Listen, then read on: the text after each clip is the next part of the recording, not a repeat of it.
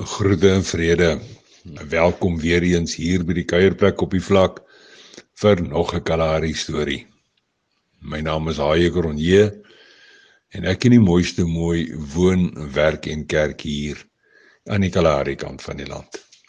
Vanmiddag hier by die kuierplek op die vlak lees ons die laaste gedeeltjie van die 12de vers van 1 Timoteus 4 en ons lees dit in die Afrikaanse 2020 vertaling. En daar staan geskrywe: Maar wees 'n voorbeeld vir die gelowiges in woord, in gedrag, in liefde, in betroubaarheid en reinheid. En vanmiddag se storie se naam: Die slotparagraaf. Dis Vrydagmiddag en ek in die mooiste mooi verkyk ons aan die groen Kalahari terwyl die genade waar alwiegend die tweespoorpaadjie volg. Ons wêreld was lanklaas so pronkerig mooi en lowergroen. Laas jaar se goeie reënval het voorwaar ons deel van die Kalahari vlak in 'n lushof vir die oog omskep. En deesdae pronk eens kaalrooi sandduine met heelwat valgroen boesmangras wat op die maat van onhoorbare musiek dans. Voormalige kaal sandstrate spog deesdae met gras wat heuphoogte vol in die saad staan. Maar laat ek eerlik wees, ons wêreld en sy se mense is dankbaar.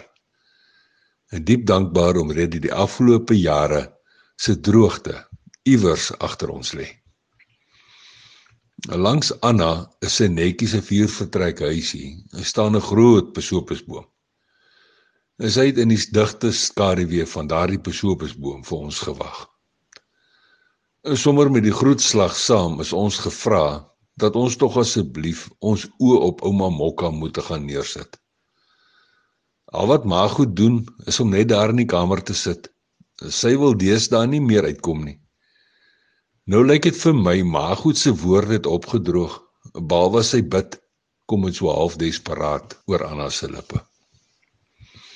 Ek het haar dadelik raak gesien toe ons die huis inloop. Kiers regop en diep in gedagte sit sy op haar verslete enkelbed. Sy beweeg haar kop stadig heen en weer want haar klankhonger ore is verantwoordelik om vir haar te vertel wat haar dowwe oë nie deesdae meer sien nie.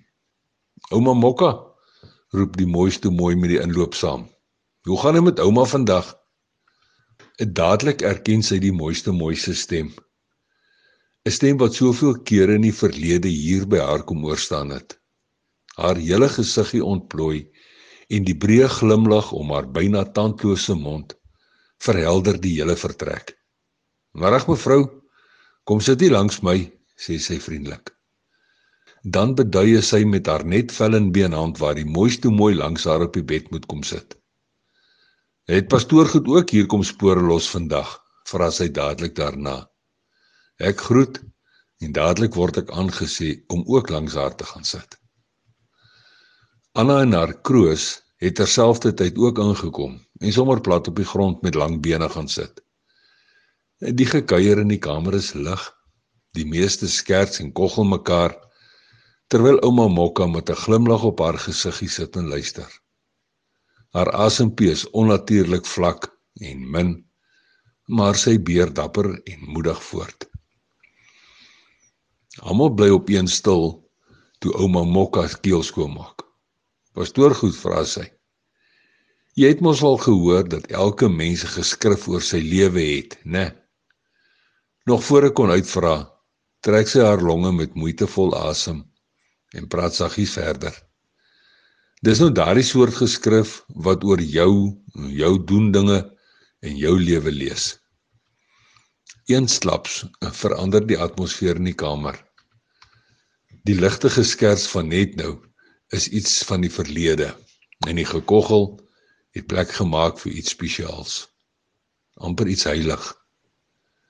Ek wil julle vertel van my lewe van ver dinge in my gisterdae nou sonder om te wag val sy weg met 'n sagte en 'n amperse fluisterstem vertel sy van haar kinderdae 'n kleintyd sonder 'n pa en 'n tienerwees sonder 'n ma Sy moes maar so tussen die plase alleen groot word.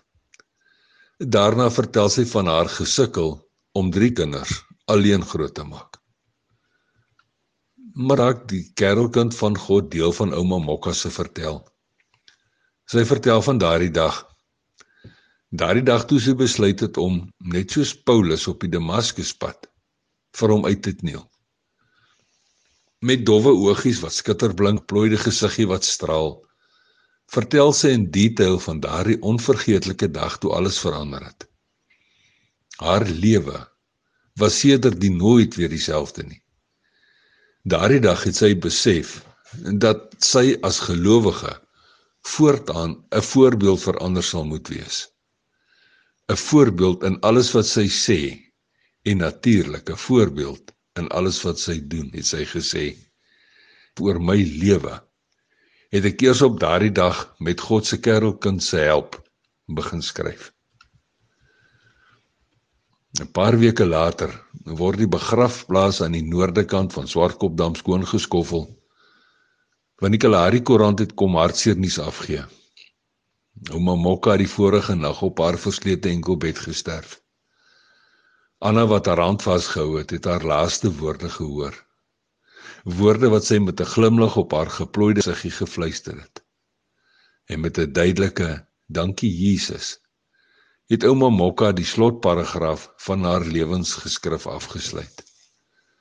Afgesluit met dieselfde woorde waarmee ek ook die slotparagraaf oor my lewe wil afsluit.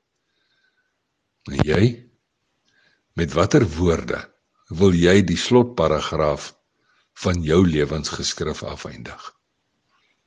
Nou ja toe. Tot 'n volgende keer. Los mooi spore en sandkorrel by seëninge.